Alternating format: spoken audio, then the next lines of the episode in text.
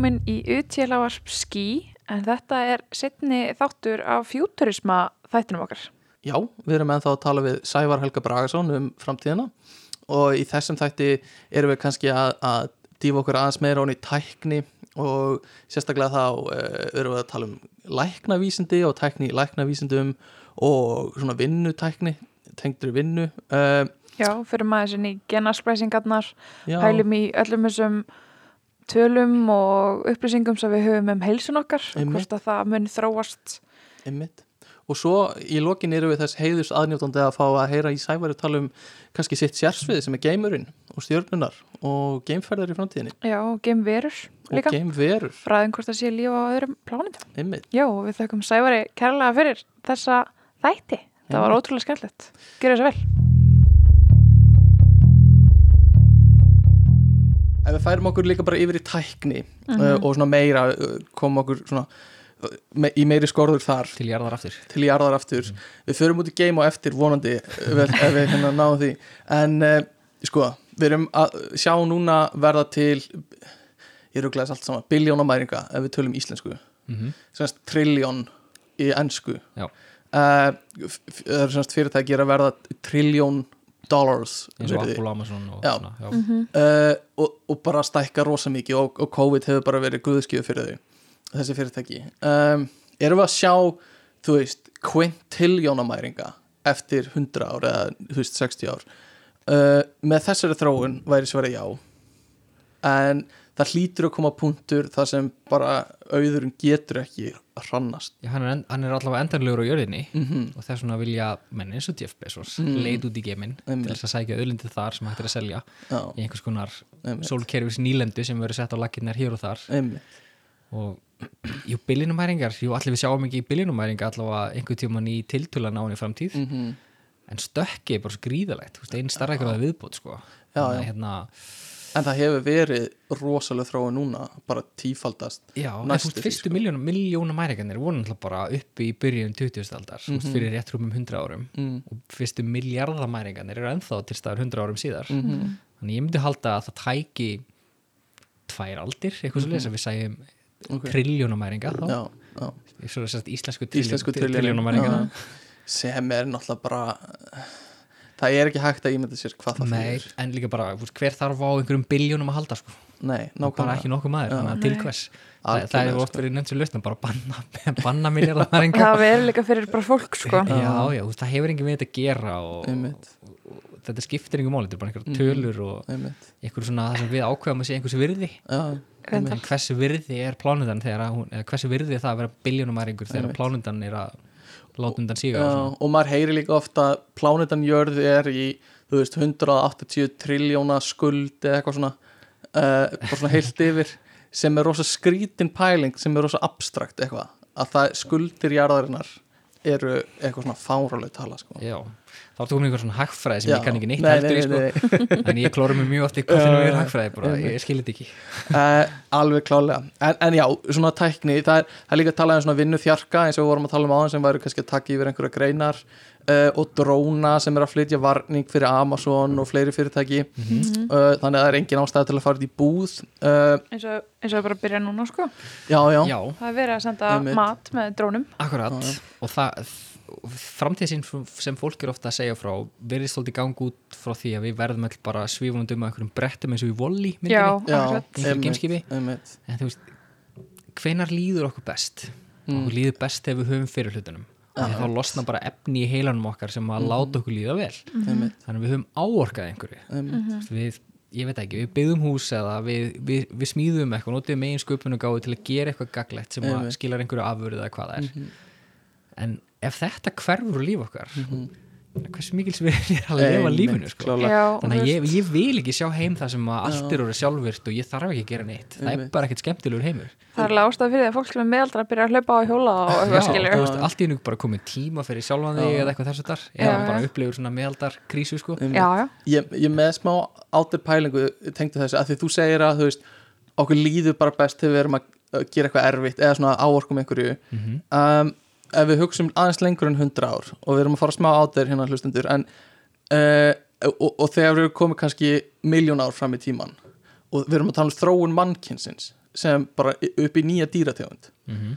uh, erum við að sjá hérna, þú veist einhverja sófakartablur að við þróumst yfir í einhverja sófakartablur og, og hérna uh, þú veist, við verðum með risastór augu fyrir skjáina okkar og, og, st- og stutt í heilan til að tengja einhverja raf, þú veist, Ég held ekki og ástæðan fyrir því er svo að það er þróunilega óhagkvæmt að verða só sófakartabla ok, já. Því það bara til þess að lifa af það þarfti að geta Mhm. hrifti og þú þarft að geta mm. lifti plutum og hlaupi hraðar heldur en dýri sem ætlar að geta þig. Einmitt. Og þegar þú ert orðin sófakartabla þá eigur líka líkunar því að þú fáir einhverja sjúkdóma sem að mm e, koma þér fyrir katanef áður en þú getur mögulega að fylga þér. Já, Þannig að ég held ekki. Sko. Lífið- Já, lífið er bara svolítið þannig að þeir hæfustu lifa oftast Já, af og mm. leiðu ætlum að gera okkur óhæft til þess að lifa af bara klárlega deyja út sko. Mér langar að gefa smá sjátátt á bók sem heitir All Tomorrows uh, og, og hún fjallar einmitt um sko, svona þróun mannkins í næstu miljónur ára Mhm. uh, og er mjög góð og það er mjög gott YouTube myndband sem svona summerar hann saman og mjög svona nice hátt á channel sem heitir Alt Shift X.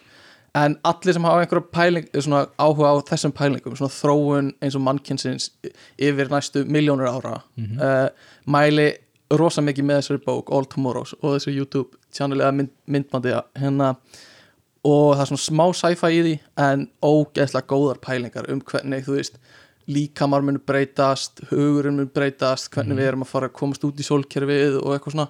Þannig að, að, að mjög skemmtilega pælingar og fara miklu lengra heldur en við ætlum að fara í þessum þætti sem eru 100 ár.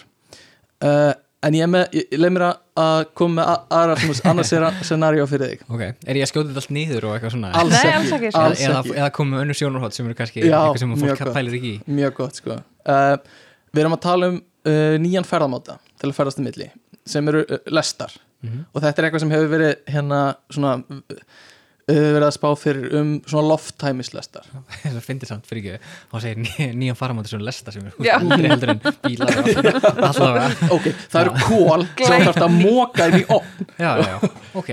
Ok, glænýtt. Já, glænýtt. Nei, þetta eru semst lofttæmislestar. Mhm. og þú ert með uh, lofttæmda túbu svona svolítið eins og Futurama túbunar Já. um, og uh, svo ertu með lest sem er í, í hérna fljótandi í einhverju svona quantum uh, state þú veist, hefur ekki séð myndböndin það sem er svona ískaldur hlutur Já. settur yfir svona segulbraut og hann helst á segulbrautinni jú, jú, jú.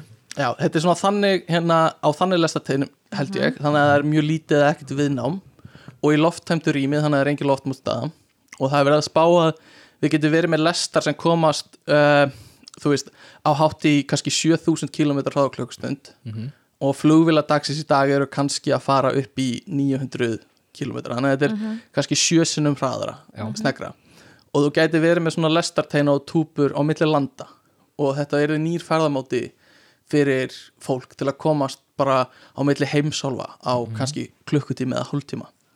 Uh, þannig að, hérna, þú varst að tala um að um myndum finna nýja leiðir til að ferðast án jarðarna elsneitis og eitthvað svo leis já. klárlega myndi falla undir þetta Mm um, hver, hversu spennt værið þið fyrir einhverju svona tekni? bara frekar spennt held ég Eh, að, geta skroppið til New York Já. bara á, á klukkutíma í staðan fyrir að þurfa að setja í flugvel í fimm tíma og, og hérna, flugvel í þrjá tíma í aukvælega Klárlega. hvað það er Já.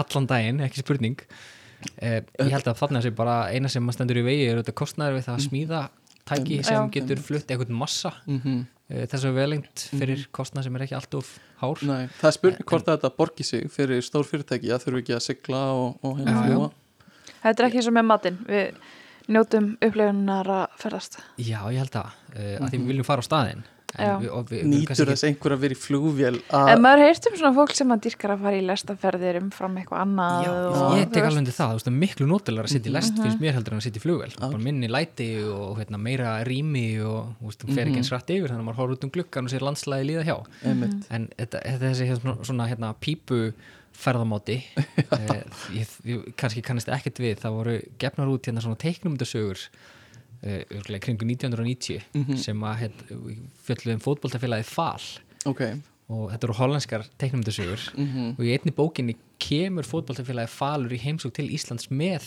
svona túbum sko. ok, Ok. þeir bara blupp, detta niður hérna einhvers stærri Einmitt. Reykjavík og Já. hún fara að spila þannig að þegar ég heyri Hyperloop og svo leiðis þá bara alltaf sé ég þetta fyrir mér fótboltafélagi falur að koma í heimsók til Íslands. En jú, ég held að þessi ferðamóti sé eitthvað sem við Mhm. komum til með að sjá í framtíðinni ekki nokkuð spurning uh, bara skalan upp líka þannig að Mhm. Einmitt. þannig hérna, það að flytja fólk langar veglindur og sem skemmst um tíma uh, en svo heldur líka að gildi fólki í svona slow travel sko. Já, að hérna, hæja þess á okkur í heimi sem er orðinn freka mikið hraður Já. og að því að svo höfum við svolítið kannski þegar ég er að drepa niður þessa framtíðadröma margra, að þá bara er oft svona framtíðadröminir snúst oft, oft svolítið um það að víkja frá bara eðli okkar Já. Sem er bara svolítið að fara hægt yfir og hérna, njóta stundareinar og hafa fyrir hlutunum og borða góðan mat og hitta fólk á förnum vegi og svona. Einmitt. Og ég held að við berjum þetta ekkert svo auðvitað út úr okkur þannig að við leitum einhvern veginn alltaf í ræturnar þegar öllu er botni kvöld okkur finnst ennþá gott að fara út í myrkrið eða út á land og út á hálendi og Einmitt. Já. vera bara hlut yfir lífverðnar dýrin sem við erum á, á sléttinni Já, fólk byrja að rækta mati sem meira og alls konar svoleið sko. Það sem er svolítið verið að fara bara tilbaka sko. Já, og þannig að þegar að tæknin orðið svo mikil að við erum hægt að skilja hana Já, að þá held ég að fólk svona snúi stundum svolítið hugur einmitt. og leiti aftur í einfaldara líf sem er aðeins hægara. Einmitt. Það væri ekkert gaman að kera ringin á 15 myndum sko. Nei, þú missir á hans í mörgu þá Já, sko. alltaf upplifur ekki. Já, Zoom. akkurat. Þannig að Já, nákvæmlega, þú veist, maður tekur sér tíma og alltaf þegar ég spurður að fólki sem alltaf koma til Íslands í einhverja dag, getið fara hringin og tömyndum já, þú getur það en þú veist, Já, þá ertu bara til hvers? Já, Það varst bara einmitt. keirandi Já. allan tíman Getur Akkurat, þú veist, fara þá frekar bara inn í Reykjavík og njóttu Já. þess að heimsækja einhver söfn eða fara að borða eða eitthvað þess að þar Einmitt. Uh, uh, Þannig að já, ég, hérna, með öðrum orðum, ég hef ég hef svo mikla trú á mannkinu að það sé, þú veist, það streytist á móti of mikill Já. tækni, tækni. við nýtum okkur en það, þar sem hún sannarlega auðveldar okkur eða, eða bætir líf okkar. Mhm, en þar sem hún auðveldar líf okkur of við nennum því ekki. Nei. Og gefumst upp á nótanum þá. Það er svo gott að hafa það hérna Sævar að koma með svona upp á móti mér Svo uh, er þetta svolítið neikvægt sko. Ég, neikvægt og svona dystopist sko. uh, en uh, já, svo er ég með bara eldsnögt uh, svona Internet of Things verður ri- risastórt. Það er að segja að öll snjalltækin okkar tala rosa mikið saman um allt sem við erum að gera. Já, ískápar og innköpakerran okkar tala saman og þú veist bla bla bla. Þannig að við erum með allar tengingar alltaf allstaðar sama hvað. Já, Já, ég, ég hræðist þessa hugmynd líka. Uh, að því ég er náttúrulega með heimili sjálfur og ég ætla að reyna að sn- snjallvæða það eins og ég gatt mm og flestir byrja bara á ljósunum sínum. Já, já, og svo tekum við þetta bara, þetta er miklu flóknara heldur en bara kveikja slöku ljósið sko. miklu flóknara heldur en að skrúa niður bara í einhvers konar svona, hvað heitir þetta dimmer, já. sem er svona handstýrur Þú varst að hafa alla með þér í þessu sko líka. Já, akkurat, í staðum með eitthvað app í einhverju spjaltölu eða síma eða eitthvað. Mhm. Og ég þarf að forrita einhvern veginn allt eða ekki Akkurat. forrita með þessum hefbundna hætti heldur bara svona stilla stillingar. já. já. og ég nenni þess ekkert nei, Nei. þannig að ég Klárlega. bara kveiki ljósið ekki um heim og Já. svo slekkja það því fyrir svo já, já. Ég var búin að gera þetta hérna, fyrst að ég fluta heimann að þá loksins gæti ég sett perur upp og alls konar já Svo var meðlegendur minn að lenda í því að hún gæti ekki kveikt ljósið Akkurat, þannig að sjáum við bara takmörk tækni þú hljóma allt rosalega vel og, og fínt og svona þá er bara, Vist, Ég var ekki gera komin þetta lengra. sko. Slöknaði þarna og dimmaði þarna og du du du. Svo kom hún heim og seint þegar ég var búin að slökka ljósin og hún bara akkurat, þú veist, tækni sem sannlega auðveldar eitthvað nær fótvestu, en tækni sem flækir hlutina fær aldrei almenna hilli og hún þarf að batna eitthvað hressilega til þess að allavega ég nenni að nota hana sjálfur. Og Algjörlega. telji mig þó tiltöla tæknilega sinnaðan þótti þessi kannski breytast í einhvern svona lúttýta sem að af, að afneitar tækni þar sé að því að bara ég sé það betur og betur á sjálfur mér og mér líður miklu betur þegar ég bara Já, í rólihetunum í svona einhverju náttúrulegu umhverfi bara að- að- lifa þínu mannlega eðli. Já, það sem ég les bækur Já, Já, á, já. á pa- pappír Algjörlega, en sko. ekki á spjaldum og finnur kesti þeim. Já, og það held ég til dæmis komið til með aukast líka. Uh, það er hérna Jónsi Sigurós. Já. með rosa skemmtilegt verkefni það sem er verið að skapa ilm sem að tengist einhverju þessu útilikt, Mhm. hvernig er Já, útilikt akkurat. Hvernig, hvernig er það, en svo er hann komið með eitthvað svona ilvatna á markaðin og þú dregur andanum, vá, já, þetta er bara svona svolítið eins og að vera Einmitt, útilikt, það er einmitt. til annað fyrirtæki Já. sem þetta er krít sem að framleiði svona ilmvötn já, og þú veist það er eitthvað Sil Silver Mountain og eitthvað svona dót sko. Ok. og eitt þeirra átti mitt að vera svona líkt eins og væri á Íslandi. Mhm. svo Ok. þegar ég þegar var með já ok, þetta er kannski ekki, al, er ekki alveg Ísland sko. Ok, en lykt á tommaborgurum.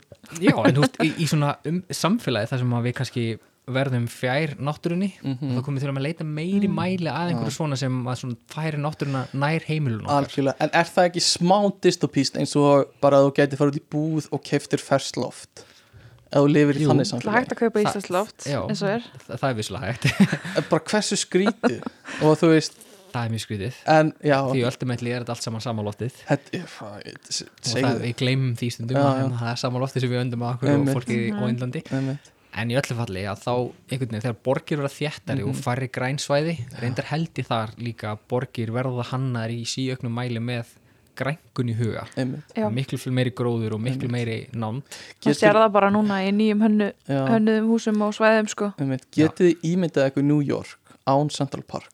Hvað væri þunglindislegu staður? Já þá væri hann bara svona eins og restin svolítið af bandaríkinum já, ég veit ekki hversu mikið það komið til bandaríkina en ákveðna borgir þannig eru bara verstu staði sem heimsótt sko. Og ég er það samt búin að heimsækja fullt af borgum í Suður Ameríku og svona. Vistu, Einmitt. versta borg sem ég heimsótt er Dallas í Texas sem já, er bara bílaborg. Einmitt. Og þú lappar 20 metra og komin á næstu fjórum akreninum sem er í Einmitt. allar áttir sko. Bara klofið af bílum hér og það sem kera allt og hratt. Það líður einhverjum vel það er enginn á, á vappi það er enginn menningarna, þetta er steindautt og umulegt Það er eins og að færi skeifina Tjók. ok, já, ég meina, já, en skefin er sann sem að sko, himnar ekki við hliðina þessu drasli. Þannig að ég er rosa hrifin af þessari svona stefnu núverandi borgar yfirvalda að þjætta byggð og grænkana og auka menningu og mannlíf og það er bara það sem við sækjumst í. Maður sér það svolítið í bíómyndum núna svona, sem eru svona framtíðar. Þú veist, það er þessi risa stóru háhísi Já. með svaka skóum, skóum inni og hefur séð Fyrst- myndina hör? Nei, sem er með honum hérna Joaquin Phoenix. Phoenix, nei, ok, uh, mæli með. Já. En þar er svona smá svona framtíðar, svona, svona soft framtíð. Mm uh, og þar er einmitt hérna já, það er bara mjög áhugavert umhverfi sem þeir eru að mála upp þar sko. Já, smá, já. Þannig að ég held að sé í háskólanum í Reykjavík högni getur að verið? Uh, ég þekki henni ekki persónulega en það getur verið sko. Uh, hann ásamt Páli Líndal sem er upp Mhm. í háskóli Íslands held ég frekar mm sem er svona umhverju sálfræðingur. Þeir eru að gera sagt, verkefni þar sem eru að kanna með hjálp síndar veru, ver, veruleika glerugna. Einmitt, eða VR tæki, sko, og ég má segja bara VR segjum bara við Já. ok, sín, ég er svo andum íslenskuna tróða þennin allavega, að þá eru þeir með verkefni sem er mjög sniðu þar sem að fólk fær á sig þessi gliru Mhm. og er sett inn í umhverfi og á sig að segja hvernig því líður inn í því. Ok, Mhm. og þá náttúrulega kemur í ljós og okkur líður alltaf best þegar við erum í umhverfi sem er í svona mannlegum skala þar sem að Mhm. íbúðin eru ekki oft þétt en heldur ekki úr landi burti Mhm. þannig að við þurfum að fara einhvern milliveg ég er samfærum að svona tækni kemur til að hjálpa skipula sem við Mhm. völdum í framtíðinu þess að við tökum eitthvað gott úrtaka fólki og við hönnum umhverfið með fólkinu en ekki bara einmitt. þeim sem eru sérfræðingar í því þau náttúrulega taka þá gögnin og vinna út frá því og Einmitt. taka sér ákvarðinir sem eru í takt við Mhm. rannsóknunar og allt þetta já, ég, ég er svolítið spenntur að sjá hvernig sko, uh, svona samfélag eh, byggða þróun verður á næstu áratugum sko, hvernig, hvert er taka þetta sko, þeir sem eru að skipulegja hún er klárlega leið frá bíla með umhverfi Já, einmitt. og þá kemur stóra spurningin segvar, sennilega stærsta spurningin í þessu podcasti. Kemur einhvern tíma lest á Ísland? Já, Ok. Svarið já. sannfarður um það. Ok, lestin liggur það. milli flugvallarins, alþjóðu flugvallarins og miðborgarinnar. Ok, ekkert meira en það? Mm, Nei, við þurfum við það eitthvað Nei, Reykjavík það er bara töff. fáránlega lítil borg þegar Mhm. út í það farið mjög Já. lítil uppgöta maður þegar maður byrjar að hjóla milli bæjarhluta Mhm. ég bý í Garðabæ og ég hjóla nánastaglega til vinnu Mhm. Þaðan, það tekur mig hálftíma Já. uh, stundum 25 minútur Mhm. og þegar ég er að fara sömu vegalengd á bíl mm. á háana tíma þá er ég kannski 40 mínútur Já. Og ég skokka stundum inn í Reykjavík og aftur tilbaka, að þetta er bara svo stutt Mhm. Já. þannig einhvern veginn, við höfum ekkert endilega þörf fyrir einhverja lestar inn að Reykjavíkur Nei. en klárlega Mhm. mm bara góðs almenningssamgöngu kerfi sem er þá bara strætóar sem að ganga á Einmitt. nefnilega En- en- borgarlína fyrir túrisma sko þurfum við að tvípa eitthvað ringvegin alla, alla, alla leið sko túristar fara náttúrulega kannski bara upp á örgi Já, það er eftir hversu margir túristinu verða bara eftir 10, Já. 15, 20 ár. Og þeir reynda að fara ekkert mikið lengur en Jökulsálón og Akureyri sko. En þeir eru svona stór hættulegir þegar þeir fara eitthvað mikið lengra. Þeir kunni ekki að hafa í kindurnar það sko. Farið. já, já, við líka. Já, já, við, já, akkurat. Eh, og erum það öll. Já, já, kannski leysist það með sjálfkerrandi bílum, ég veit það ekki. Já, já, geti gert það, geti en ég algjörlega. feldur ekki mikil trú á þeim en en þess að segja, ég heyri það ég er sjálfur að breytast í svona lúti Já, já, já, ég er bara afnetaldri tækni og vil ekki til, Klárlega. tilhinga mér hana. Uh, Nei, bara það til dæmis. Já. við eigum almenningssamgöngur í dag við eigum Mhm. leigubíla við Mm. höfum þetta samt ekkert svona eins og það vilja allir eiga sinn bíl einhvern veginn. Uh, Mér langar að fara núna yfir í læknavísindina og að því það er risastór hluti af þessu líka. Og hérna við erum með uh, margar svona kenningar um að þetta verði rosa tæknilegt.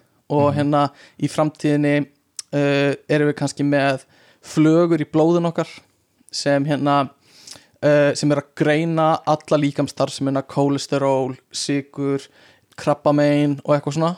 Og, uh, og bara getur greinta strax. Og við erum byrjuð á þessu bara með snjallúrunum okkar. Mhm. bara súrefnismagn og blóðþrýsting og hérna hjartslátt og fleira þannig að þetta er, þetta er klárlega einhver svona þróunin sem við erum að fara í sko. Mhm. uh, er þetta eitthvað sem, sem gerir ykkur hrætt eða eru þið spennt fyrir þessari þróun að fá þú veist uh, bara mjög gott yfirlit yfir heilsun ykkar alltaf í símanum ykkar eða í þú veist bara, bara strax skilur finnst það æði mm -hmm. bæði og uh, vond að því leitinu til að hver á þessar upplýsingar einmitt, hvað verður gert við þær. Mm einmitt, verða einmitt. seilast eftir þeim? Já, já, ok, Eru- mjög góð punktur. Eru þau byrjuð að gera það? uh, ekki, ekki svo ég viti úr svona snjallúra dóti einhverju en þau gætu klálega að fara að fikra sig þangað. Uh, talandi um gögnin ég held að það sé partur af því að bara til þess að þróa tæknina áfram þurftu fyrirtækin að fá að nota gögnin til að bara byggja mótilin sín. Já, um, en það er samt alveg stór pæling hvað þau gera við út frá því umfram það uh, hvort þau nota þetta til að selja okkur vörur eða þú veist, við vitum að þú ert með þú veist, mikið, mikið sigumagn í blóðinu þá ertu líklegir til að bla bla bla Mhm. eitthvað svo leiðis um, en, en kostinu við þetta væru að ef við værum með eitthvað svona nanoflugur í blóðinu við getum notaði til að hjálpa okkur líka umfram mælingar. Við getum notaði til að gefa okkur vítamín og, og insulíni sem við þurfum og jafna alls konar styrki á einhverjum efnum sem þurfa að vera á réttum stöðum og svona. Þannig að, að það geti líka verið gott hættulegt ef við erum að hugsa þetta frá tölvu öryggisjónum hakka blóðið þitt er setning sem er mjög hræðileg einhvern veginn. Um, þannig að Já, já, hva, hvað standið á svona smart medicine svona snjall læknisfræði Bæ, eins og ég segi, já, bæði jákvæmt og neikvægt Já, við erum alltaf með fyrirtæki á Íslandi núna sem er að vinna í þess átt sem Mhm. er Sidekick Health. Einmitt. Og nýta sér Mm. þá gögt sem að fólk skráir inn í símanni sína og svona. Mm og minna, það getur stórbætt kannski meðferð þessar fólks við einhverjum lífstílstengdum sjúkdómum Mhm. og ég er svona hrifnari af einmitt svona að nýta tæknina til þess að vera fyrirbyggjandi. Já, það er að segja að láta ykkur vita hei, nú ertu búin að sitja aðeins og lengi þú ætti að standa upp og, og reyfa þig eitthvað þess að einmitt, einmitt. ykkur skonar tæki flögur í blóð og eitthvað þess Mhm. að ef þetta eigur lífskeiði þá Mm alveg til ég að skoða það. Einmitt. En ég er svolítið hrættur einmitt um það að það verði einhver þarna sem að nýtir tækna til íls Já. finnur leiði til þess að einmitt, hakka blóðið eða nota þetta í hernað og þetta er hérna var ekki hvað er, Black Mirror þáttur? Það er svona, svona litla bíflugur mm sem voru uh, sem, já, litla bíflugur sem voru ná, bara tækni bíflugur, ekki náttúrulegar. Nei, og þær að því bíflugum hafi fækkað í heiminum og við þurftum bara einhvern til að hérna, frjóka plöntunar okkur og við halda fæðukeginni einmitt, en það var einhvern sem nýttir sér þetta sem í þættinu til þess að drepa fólk. Já, því að Já, flugurnar. já, bara fljúa hreinlega inn í þá og svo bara hérna, sprengja heilan eða þess að það misti viti, ég man ekki hvernig þetta þáttu var. Nei. Er eitthvað svona sem gæti mögulega gerst? Já, þetta, Jú, er, þetta er allt á borðinu sko, Það er alltaf að taka yfir tæki Já. þannig séð já, já, bara útlötu hlutir sem hægt að gera sem er kannski bannaðir veist, það er hægt að senda SMS á alla þú veist, og það er hægt að gera meiri hluti við símana Já, kannski, einmitt komið Og þetta með að nýtast eins og að þú ferð í aðgerð Mhm. að læknirinn, hann setur einhver svona tæki og tól inn í þig Algjörlega. sem fer og læknar þig að hérna, lagar eitthvað sem þarf að laga í Algjörlega. líkaminninum á þess að þurfa að skera þig upp Mhm. og Já. vera með rosalega inngrip þar Mhm. og svo tekur læknirinn sjálfur aftur hlu- hlutin úr þér algjörlega Já, bara þannig og að það fólk sé ekki hægt að Mhm. gera eitthvað skandal Já, eins og fólk er nota bara litla myndavelar núna alltaf að fara Já, setja eitthvað svona niður Já. en svo líka spurning bara eins og með þú veist, þetta bæ og allt þetta Mhm. þú veist eins og ég með úr, snjallúr og það var eftir að kaupa dýrara úrið sem saði mér frá súrefnismettun í blóðinu Já. Mhm. og það var dýrara Mhm. og mér er alls sama um það já þannig að það er líka spurning, þú veist mm en mér finnst samt alveg verðt að, að nefna það að við erum í þessari þróun núna bara með Algjörlega, sko. allri mælingum á öllu sem við erum að gera. Þú veist, við getum ekki farið út að hlaupa lengur á, þess að segja fólki það og sína það á samfélagsmiðlum og, og hérna, bara í Já. gennum strafa sko, er ég að tala um. Já, og, ég er mikil strafa notkunar kona en já, það er samt einu samfélagsmiðlin að ég held sem að hefur ekki neikvæð áhrif á mig. Já, Þú veist, mér líður Já. ekki illa að skrolla í gegnum strafa ok mér líður öruglega illa að í gegnum Instagram já, en ég hef ekki ennþá upplifað neikvæða tilfinningu gagvart strafa Nei, Nei. að, það er, er góð punktur að því þú ert líka alltaf að peppa aðra gefa þeim kútur sem vel gert, þú fórst út og hreyfði þig. En það gefa aðri þér kútur sem fyrir að fara að hreyfa þig. Notar þú strafa Já, já, já. Sagði- fáið þið aldrei eitthvað svona uh, Magnús er svo fucking duglegur akkur er ég ekki svona fucking duglegur Jú, en það er kvartning fyrir mig sko. Er Já, það- en er það er ekki gott? neik neikvætt og Ok. svo Af líka við, við, við Magnús erum vinnir þannig að það er alltaf lægi Akkurat, og þá get ég líka bara að tala um það en svo líka bara er ég duglegri þarna að unfollow fólk Já, þetta er svo lítið samfélag einhvern veginn Ok. Já. þannig að maður getur rætt ekki, oh sorry, ég hef ekki séð þig ennþá á Ok. strafa Ég skil þig. Þetta er líka reyfingur eitthvað sem ég er fullkomna stjórn á sjálfur Já. Ég feg bara út að hlaupa eða eitthvað þegar, þegar mér sýnist og mér hendar og svona Einmitt. En þegar ég sé fólk þú veist, vera að borða mm Mhm. -hmm. á einhverju meitingastæð sem er langar geðveikt til þess að fara á það bara, Já. ó, djúvöldin, ég var svo mikið til í að vera þarna núna Já, þá fyrir maður svona upplýða ykkur öfund og leðindi en ég þekki marathonhlaupara og strafa og svona og ég bara, ég er vel gert og þú ert inspirerandi fyrir mig að reyna að koma mér líka Ok. í svona form sko. þú Það er veist, mjög ætli gott. framtíðin sé þá að setja inn þú veist fitnesspal hita eininga, fjölda, máltíðana þeina verður það samfélagsmiðl finnst bara um náttúrulega það. til nú þegar Já, Já, en ekki sem svona samfélags það er samt að fylgja fólki þar Er það? Já, Ok, en þú ég, veist, en þá bara Tók mér er alveg sama hvað hérna Jó já er að borða það eða- En það getur verið svona, þú veist, kannski neikvæða upplifun sem maður heldur um að fá að strafa já, já. Þú veist, að ég myndi alltaf upplifa það. Uh, en sko smart blóð uh, getur hjálpaði líka.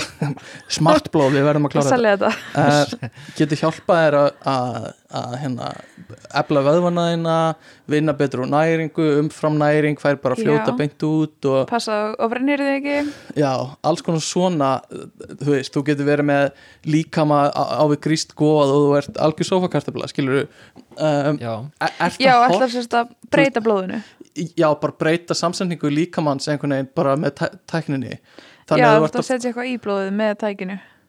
Já, eða blóðið bara hjálpar þér að vinna úr eða segir Já. að ekki vinna úr umfram hýtaeiningum Já, vá, ok. Eitthvað svoleiðis. Um, þannig að, að hérna, við erum að tala um kannski manneski sem geta, þú veist, sem er ekki vinna fyrir útlitinu sínu í fyrsta skipti bara, uh, bara síðan heimurum var til skilur um, og ef, það- ef það vill ná einhverju svona, fysi, einhverju svona bodybuilder útliti eða eitthvað svoleiðis um, mingar þá ekki kvartningin til þess að gera það því að Jú. það geta það bara allir? já, já, þú, þú þarft ekki að hafa fyrir því og þá Já. er það ekkert skemmtilegt. Einmitt. Það geti verið sko. Líkams, hérna, útlit koma líka í tísku. Já, æ, ég ætlaði líka ekki að segja útlit. Ég var meira að hugsa bara svona uh, hvernig líkamæðin virkar þú veist, Já, bara svona, uh, formið sem þú ert í. Já, me meira form heldur en útlit sko. Já, um, Já, ég veit ekki alveg með þetta Þetta er svona svona líklega að við myndum reyna að nota til þess að lækna einhverja sjúkdóma Já, og akkurat. eitthvað þess að sko. já, minga krabba með er einhverstaðar eða eitthvað svo mjög góð hugmynd sko, uh, pæling. Uh, Ég myndi allavega persónulega ekki sjálfur vilja sprauta með einhverju nanodrasli sem að hérna gerir eitthvað í blóðum mitt eða hvað það er Nei. frekar vó, her, ég, ég kom einhvern svona lísi eða hjartasjúkdómi eða einhverju krabba minni hei, ég ætla Já. klárlega að sprauta einhver í mig sem að Einmitt. bara eyðir því eða hvað það er einmitt. og þe þetta finnst mér ekkit ósvipað genasplæsingum sko. Mhm. og þú veist, sem hafa verið það hefur verið svolítið talað um þetta nýlega genasplæsingar með fyrirbæri sem heitir CRISPR sem er svona tækni til að, að splæsa gen og genasplæsingar er basically það að þú tekur DNA-ið þitt, uppskriftina af sjálfur þér og þú getur á frekar einfaldan hátt bara klift og skorið og bætt saman límt við Mhm. og breytt bara genunniðinum og uh, þetta gæti þú veist hjálpað gegn sjúkdómum. Uh, ef þetta eru erða hérna sjúkdómar og kannski líka bara alls konar sjúkdómum. Og svo getur þetta komið líka bara inn í tengt sko fjöl, frjókun og fjölgun og, og, og þú getur breytt fóstrinuðinu og, og þú veist það sem, það sem kemur inn í þetta er að þú veist þetta myndi ekki bara hafa áhrif á þig Mhm. heldur þú ert að breyta genónuðinum þannig að þetta hefur líka áhrif á kynnslóðan sem koma eftir þér Mhm. þannig að, í framtíðinu gætu við verið að horfa á genabreytt börn með þú veist kannski ekki sjúkdóma sem var jákvætt en við gætum líka verið að missa eða þú veist, ekki dökkart fólk og frekar brún augu og frekar, þú veist, einhver svona útlits sér pantanir Mhm. og eitthvað svo leiðis þetta var nú reynd einu sinni Já, já, já, ertu með sögu, eða það? Já, það voru nasistar sem að reyndu nú að kynbæta reyndar. það Já. hefur alltaf verið áliti og frekar siðfyrslega gráusvæði Mjög. mjög gráu. Þannig er þetta ekki bara það sama, er þetta ekki frekar siðfyrslega Mm. svæði að, að ætla að hanna börnin okkar? En, það kannski drif líka bara fjölbreytileika lífsins og það. það, er einhver ákveðnir mm, þættir úr fari fólks og einhver líkamsvöxtur eða hvað það er sem er meira bara eins og við sjáum í öndlöndum eins og Kína og svona, það sem að þú vilt frekar veist, drengi heldur en stúlkur já, og já. þú býr bara til einhver önnur vandamál í Einmitt. staðin En, en hvar myndum við draga lína af því ég er nokkuð sem að flestir myndum vilja útrýma hjartagöllum í nýfættum bönnum Mhm. og eitthvað svoleið sem, sem mann finnst eðlilegt. Og svo er kannski útrýma einhverju e, sjónskekkju. Er það eitthvað sem við viljum taka þátt í ég og, sjónskekki, ég var alveg til í það.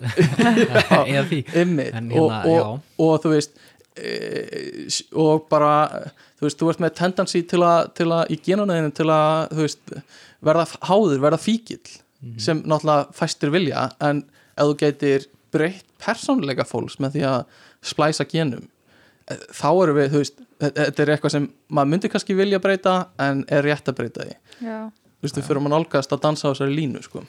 já, já, þetta er bara þessum erum við með vísindasiðanemndir og þetta sem að er að, að taka ákvarðanir fyrir okkur hvað sé Akkurat. með okkar mm Mhm. tíðaranda. Er, er, er þetta að segja mér að, að við séum ekki ákveða þetta núna, hérna? Við erum ekki ákvæða núna. Þetta var hérna mín diplomatíska leið til þess að hérna, forðast það að svara þess að því þetta var svona klárlega. eitthvað sem ég veit ekki nú mikið um til þess að koma eitthvað svona upplýst og, og gaglegt svar. Ok, en svona bara þegar maður skoðar söguna þá hafa Mhm. verið gerða tilhörinu til þess að kynbæta Já. fólk. Og við náttúrulega höfum gert það í dýraríkinu og Já. blönduríkinu jú, jú. Og til þess að fá meiri uppskeru og, Mhm. og hérna meira meiri ull eða meiri kjöti eða hvað það er. Algjörlega. Minni kvolpa Já, en og svo okkur finnst það eiginlega mjög aðtugvert þar. Nei. og af hverju ætti það þá að vera aðtugvert í okkar tilhengi líka? Einmitt. Þetta, er, þetta eru erfiða spurningar. Uh, Leð mér að mála upp fyrir aðra mynd leið mér að setja í nýja ræðstæður uh, Við erum að tala um uh, heila flugu svipað á Núralink er að gera hjá honum blessa Elon Musk. Uh, og við ætlum að hérna, þú getur sett heila flugu í þig og hún getur hérna, haft áhrif á taugabóðin og skinjunin að upplifa heiminn. Og hérna þú getur sett þig í nýjar aðstæður eins og tölvuleiki. Nema þú ert að leika uh, karakterinn. Þú, þú lifir þig inn í þetta. Af því taug, þessi, þessi flaga og er að hafa áhrif á taugabóðin þannig að þú ert komin í svona alvöru virtual reality síndaveruleika þar sem þú, þér finnst eins og sért að hlaupa og ferðast og fljúa og ert með ofurkrafta og eitthvað svo leiðis uh, Er þetta ekki lýsa fríka eða? í, í sko Guy, jú, nema þau voru náttúrulega bara í bortölvum þar, en jú, jú, þú, er, þú væri bara inn í tölvuleik, skilur þú þannig. Já, eh, eða þú farið að upplifa þú getur tekið svona ljósmyndir basically af minningum hjá þér. Til dæmis þegar þú ferð í fallífastökk að þú getur svona seifað minninguna þina mm og upplifað hana aftur eða uppáhalds fríið þitt eða giftingið þín. Þú getur endur upplifað hana uh, og farið þínu tilbaka. einn sjónarhóttni þá eða Já. ekki frá ljósmyndum sem voru komið að teknar eða eitthvað þannig? Já, frá þínu eigin sjónarhóni en þú gæti líka kannski keift uh, upplifun af einhverju ævintýri hjá einhverjum öðrum. Þú veist, þú getur keift þér ævintýri að finna Ameríku 1600, eða, ok, það er kannski þú getur keift þér það að, að lifa dag í lífi Elon Musk skilur við, og þá færðu upplifuna hans í heilana þér eins og þú sért upplifuna er þetta ekki það sem okkur, okkur öllum dreymir um? Mm, svona að fá að vera einhver önnum manneski einhvern einn dag eða eitthvað svoleiðis. Já. sjá hvernig, hvað augum hún lítur heiminn eða hvernig væri að fera hún eða hann. Já, já, já, líka veist, væri við þá að upplifa það bara eins og bíómynd eða gætur að tekið ákvarðanir? Já, já. þetta er alveg, mér væri svolítið það mitt já, Nei, va- vantilega ef þetta er bara flag inn í þér þá ertu bara ekki persóna sjálf í sjálfu sér eða Mm. hvað, að þú ert ekki hennar líkama uh, ég held þú ég, held að því bara þú veist ef við viljum upplifa dag í Mm. lífi mannskunar þú veist, þá væri ég alveg til í að þú veist, geta tekið líka ákvarðanir inn á myndli já, já. bara eitthvað svona, mm, mér langar ekki að hita kaffi. nú ætla ég að vera bandaríkja fórseti og setja allt á annan endan. Já, eitthvað þannig. Sko, já, það Já, er því kannski að fólk vill alltaf, veist, koma sínu framfæri já, ég, held- ég held að þetta sé bara sko. Þetta er bara tvent mismunandi held ég sko. Bara hvort þú vilt upplifa uh, dag í lífi einhvers í alvörunni eða hvort þú vilt búa í síndafuröðlega sem verður bandarækja fórsti sko. Já. uh, þetta er náttúrulega verður alltaf síndaverulega því það er ekki hægt að flytja eins og komið er nei, nei, heilan á milli. Nei al, Já. algjörlega sko. hérna, já ég jújú, það var okkur skemmtilegt að fá að upplifa það hvernig var að vera Neil Armstrong og að stíga fæta Einmitt, fyrsta skipti. en já, ég, ég skal ekki segja sko. Ég hef ekki pælt nú mikið í þessu en, en Að því mér fannst þetta bara og líka sko, ef við erum að tala um gerfigreind uh, þá erum við að hugsa, þú veist fólk er að segja, það er ekki sjensa að við munum nokk sem að fá tölvu sem er með meðvitund eða sem getur verið að- að- að- á sama level og bara manneskja og bara uh, haft tilfinningar og eitthvað sluðis uh, og, og þá, ge- en ef maður hugsa þetta frá, þú veist, öfugu sjónarhorni þannig að þú ert með mannesku og skiptir hægt og rólega út pörtum af heilanum eins og bara heiladingul og þú ert búin að geta ert með tækni sem getur tekið yfir þá starfsemi og svo framheili ert með tækni sem getur tekið yfir þá starfsemi og bara hjálpa til og svo á einhverjum tímapunkti ertu bara komið með algjörlega uh, nýjan heila. Þá heldur við frekar að tala um þúsund ár. Já, já, já, algjörlega. Og, og hérna, það er ekki, þetta er ógisla flókin hérna líffræðileg starfsemi sem heilin er að gera og við erum ekki fara að ná því strax. En þetta er bara svona, bara svona pælingin að það muni aldrei koma gerfugreind sem við getum, þú veist, sem er á sama level og við mm Mhm. mér er alveg svona möguleiki, skilur við já, minna, ég veit ekki hvar sta, hvernig staðan verður í þessari, í gerugreind eftir tíðhúsund ár. Nei, en svona í sjáanleiri framtíð er náttúrulega alls ekki nei, komast ángað algjörlega. Eh, það vantar bara líka svo margt sem manneski hefur svona Já. einhvers konar innsægi og hérna, uh, sköpunargleði og mm Mhm. horfa hlutinu frá öðru sjónarhóttni sem er kannski svolítið erut að forrita sennilega. Já, en, en við getum kent börnunum okkar já, það, þannig að af hverju getum við ekki kent klálega, vélum það líka. Algjörlega. Já, svo þarf líka bara að laga umhverju, sko. Já. spurning hvort að við lærum af því og, en kannski þurfum við alltaf að þróast samlega og vera alltaf tömskrum eftir, ég veit það ekki. Já, hvernig taka þér yfir síðan? Já, hvernig akkurat. taka yfir? Uh, sko uh, aftur uh, sko get, erum við að fara of langt? Erum við að Já, taka því hún langt kom með spurningum að hérna skiptum heila í fólki þá svona, ó, ok, við erum kannski komið svolítið langt fram í tíman uh, að það er klárlega ekki eitthvað sem við verum að fara að upplega ára 2090. nei, nei, nei, nei, svona miklu meira á næstu þúsundum ára ef, ef okkur já, já, já. Auðvinnast að hérna, komast í gegnum allt þetta. Einmitt, einmitt, allar teknið þróska einmitt. Mér langar aðeins að fara meira út í sko þína svona sérþekkingu meira talandi um gaming sko. Uh, hvað sér þú fyrir er gerast næstu uh, já, 60 ár? Erum við að fara til Mars? Já, á næstu 60 árum held ég það sé alveg örugt ok, með að við áhuga uh, sérstaklega ríkukallana núna að Einmitt, fara þangað þá komum við til með að fara þangað með fólk á, jú, innan við 60 árum já. er potjett það verður erfitt, það verður dýrt einmitt og það mun kosta mannslíf Mhm. en við erum bara svolítið þannig gerð að við viljum kanna hvað leynist handan við hólinn og mm Mhm. æfintýra þráin í okkur er svo sterk að við þurfum Einmitt. no matter what We Eh, do not do it because it's easy but because it is hard akkurat, svo vitna sig í John F. Kennedy Já, og minna, framtíð mannkynsins liggur að mörgur liti í geimnum Mhm. sjálfsögðu, ef við ætlum að halda áfram að breið úr okkur. Einmitt, uh, en ég vona að við séum nógu gáfuð í leiðin til þess að gæta vel að okkar vegna þess að þegar við rannsökum aðra netti þá komumst að því hvað jörðin okkar er stórkustleg Mhm. Akkurat. og það, engar aðra reikistjórnum sem við þekkjum eru Já, komist í náví við hana. Einmitt. En þeir eru allar steindöðar og ekki stingandi strá eða rennandi vatn einstar þar sem við höfum farið.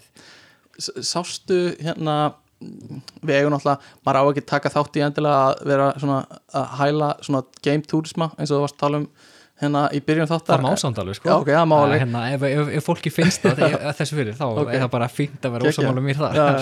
uh, Sástu núna nýlega þegar hann hérna William Shatner fór út í game Já. og viðtalið sem var tekið við hann eftir það ég sá ekki viðtalinn, ég frétti af því einmitt að hann hafi verið að lýsa hversu stórkvæslega þetta var og svo hafi. Jeff Bezos bara úða einhverju kampænu fram Já, ok, það var, það? það var, jú, ok, það var fáralegt og Jeff Bezos fucking uh, má skeina sér með andlutinu sínu sko. En- ég var, ég var að tala meira um uh, ég ætla að tala um sko bara það sem William Shatner var að segja sko, bara upplifun hans af því að fara út í game og hann varð svo meir þegar hann var að tala um þetta Mhm. mér finnst það ógeislega fallegt að hlusta hann að tala um þetta uh, og hann var að tala um þegar hann þeir voru að fara í gegnum, ég veit ekki heiðkvolfið eða eitthvað svo leiðis þegar það var bara eins og það var hulu svift af heiminunum Já. bara frá því að vera blár yfir í að vera svartur Mhm. og honum fannst þetta svo magnað og óþægilegt hvað þetta var allt svart hana úti Mhm. og hvað við búum á merkilegum hlut, jörðinni Mhm. að þú veist að, að það sé hægt að lifa hérna með við hvað er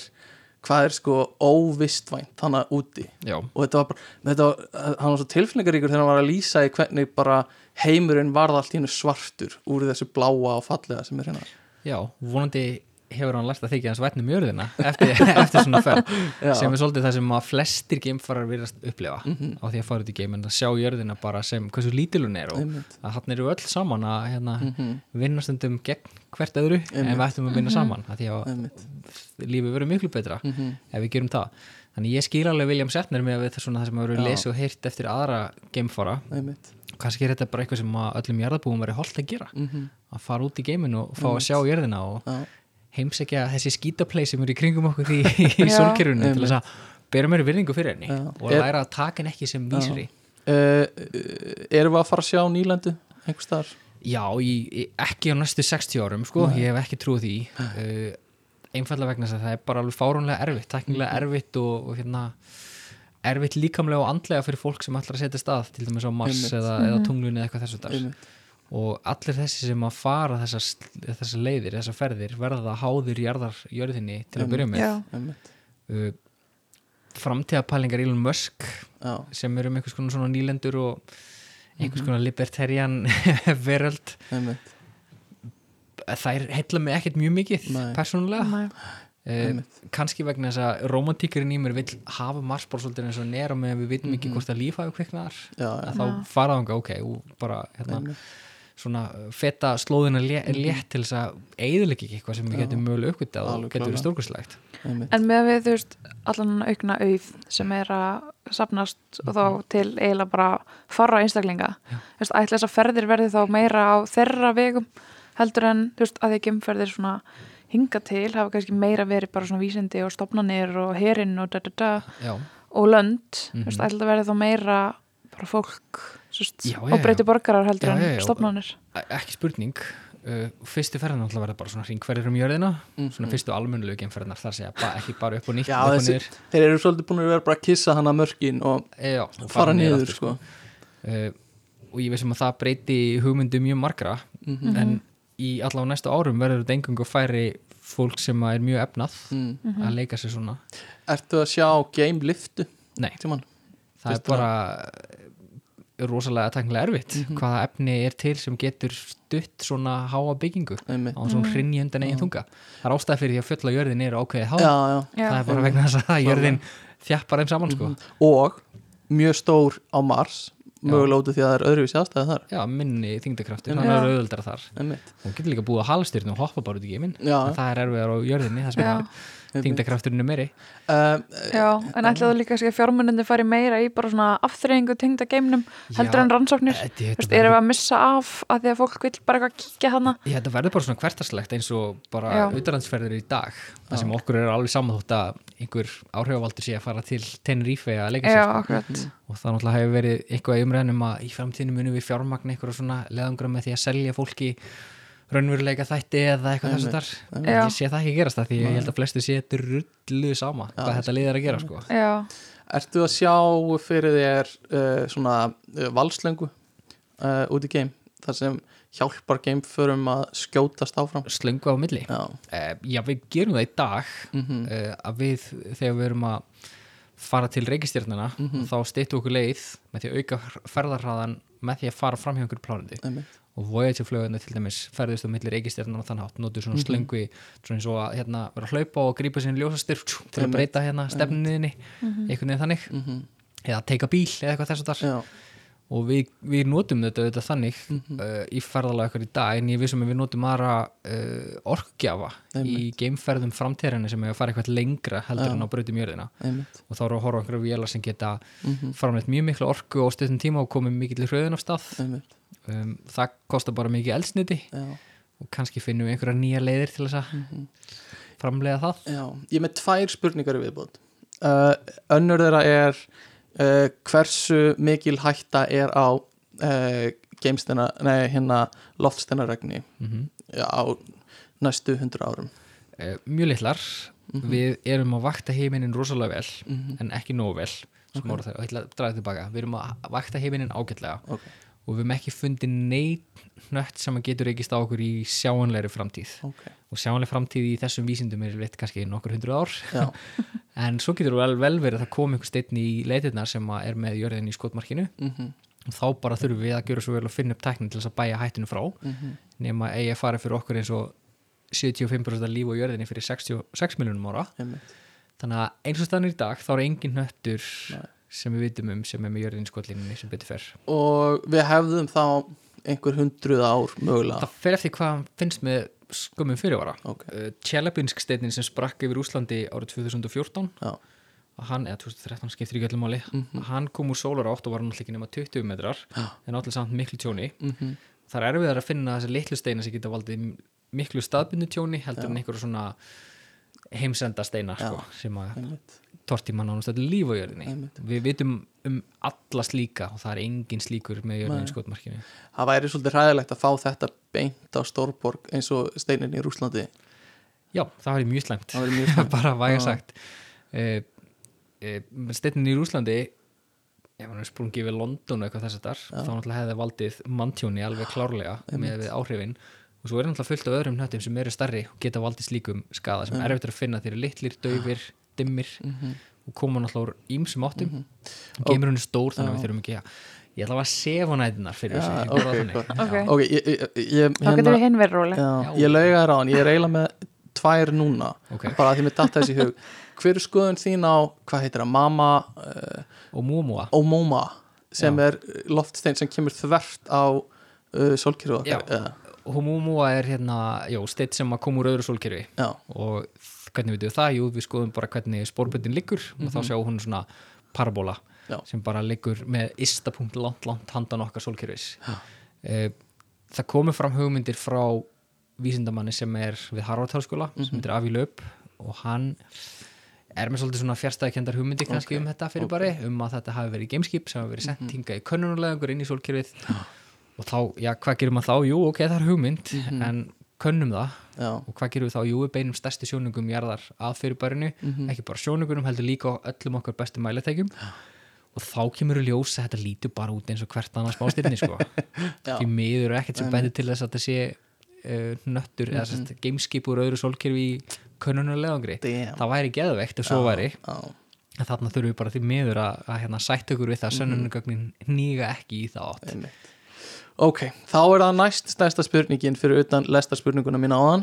Uh, Geimvörur, Já, er það til? er klárlega, við erum geimurur Ah, Sævar, að- ég var tekin en þú átt á við auðvitað geimurur utan jarðar. Extraterrestrial. Já, e, ég er samfyrir um að svo sé. Já, og bara í okkar sólkerfi getur náttúrulega verið gemurur eins og á Mars og á hérna Evrópu og engelættu sé sem eru tungl við annars vegar Júpiter og hins vegar Saturnus já, ég held að líf í alheiminu sé frekar algengt já. og það sé mjög algengt að við höfum bara svona frekar einfall líf mm sem er samt flókið, bakteríur og, og eitthvað þess að þar en ég held að vitsmunulíf sé tiltölulega sjálfgeft Heldur þú sé til utan okkur. Já, ég er nokkuð viss, já, ég veit það náttúrulega ekki neitt en Nei. ég trúi því á þess að ég hef nokkur sönnugögg fyrir því að svo sé. Og út frá bara svona normal dreifingu að þá hugsa ég að það sé líklegasta nýðust en uh, við getum vissulega verið í aðtilviki sko. Já, já. Uh, Við erum að fá kannski tölvöld öfluru tæki síðustu 50 ár mm um, Heldur þau sé að fara að hjálpa okkur að finna eitthvað? ekki spurning, Eh, núna er, er í smíðum á í Chile, sjóningi sem að vera næstu í 40 metrar Ok. í þörmál þannig að hálfur fótballtavöllir Já. sem er sem sagt speilþörmáli og langstasta augagerðar Ok, og þannig eru greiningjaðin orðin slík að við getum farið að kanna efnarsamsendingu lofthjúpa á reykjastjörnum sem við teljum mögulega getur verið lífanleg ok, vá. Þar segja reykjastjörnum sem eru í réttri fjarlæg frá sínum stjörnum til þess að líf eða vatn getur verið fljótandi auðvörunni Já, og þá opnast náttúrulega gluggi í býstna spennandi rannsóknir. Já. þar sem við getum þess vegna að fara líka í, í, náni fram til sömu leiðis að taka ljósmyndir af þessum nöttum. Einmitt þannig að við erum bara farin að þefa af andrumslofti annara plánuna Mhm. áður en yfir líkur og ef við finnum efni eins og súrefni og Mhm. koldioxíð og metan og eitthvað að þá er það svona lífvísar sem bendur til þess að það sé líf þarna einmitt en að því að vísindamenn eru mjög varkárir Mhm. að þá munum við ekki vilja segja neitt fyrir en að við séum bara alveg sko. Já, ok. Að, En vísir kemur nú með góða fyrirsögnur og áður en að það gerist. Já, já, já, ekki bara vísir sko. en það er það svona, svona, svona pyrrandi þegar maður vinnur við vísindamiðlun Mhm. að það er rosa fáir sem skilja í raun og hvað er gerað mikla kröfur til sönnunagagna í vísindum. Já. ekki alltaf, Nei. en, en Nei. hérna mjög oft og þú veist, heyra vísindamenn nakkrífast á ráðstefnum Einmitt, um mismunandi niðurstöður eða mismunandi álektanir þetta er ekkert eitthvað svona eins og að fara að fundi í fyrirtækinu og það rífast um hvort þið er að fara þangað eða hingað. Nei, það er bara þú veist, öll smáatrið tínt til og, og þess vegna virkaði svona vel líka. Já, klálega. bara það er bara þannig, við erum rosalega varkár og, Mhm. og það hefur skilað okkur frábærum árangri. Já, Já uh, ég held að við ættum að fara að segja þetta gott. Ég er svona hálnaður með handriti mitt uh, Þannig að það er klálega efni í, í hérna annan þátt einhvern tímann fyrir hlustundur sem hafa áhuga Ég ætlaði til dæmis að tala um tölfur, gerfugreind, skamtatölfur, orku í framtíðinni og fleira. Þannig að það er nót til en uh, ég held að við höfum bara farið yfir mjög vítt og breytt efni í þessum þætti. Uh, Sævar, er eitthvað sem þú vilt koma með að lokum? e, bara það að hugsa vel hvert um annað.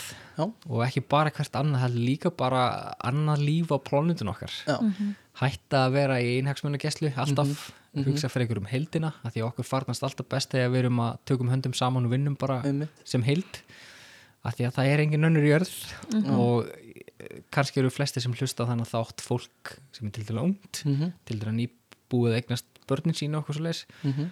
og ég trúi ekki öðru en að þú vilji skilja við jörðina í góða ástandi fyrir greið börnin okkar sem eru að byrja núna að, og við ætlum að láta taka til eftir okkur. Algjörlega þannig að við þurfum að sína ábyrð Mhm. hætta að draga niðurstöður í efa sem eru svo sannarlega réttar hætta að streytast á móti eðlilegum Mhm. eðlilegri þróun í tækni sem leysir á vandan Mhm. og taka þátt í því frekar heldur en að vera eitthvað svona kótak og þykist alltaf að gera hlutina alveg eins og þú eru gerðir áður þegar það eru löngu úrelt og Mhm. hefur ekki leitt til já, hefur leitt til markskóðs en ekki allt þannig að það er kannski svona loka orðin að hugsa betur hvert um manna og plánundun okkar Þetta eru orðað Mjög gott. sönnu uh, The future is now old man sagði skáldið og við kveðjum hlustendur og þökkum fyrir hlustun. Sævar, takk kærlega fyrir komuna. Það var virkilega gaman að fá þig. Takk fyrir mig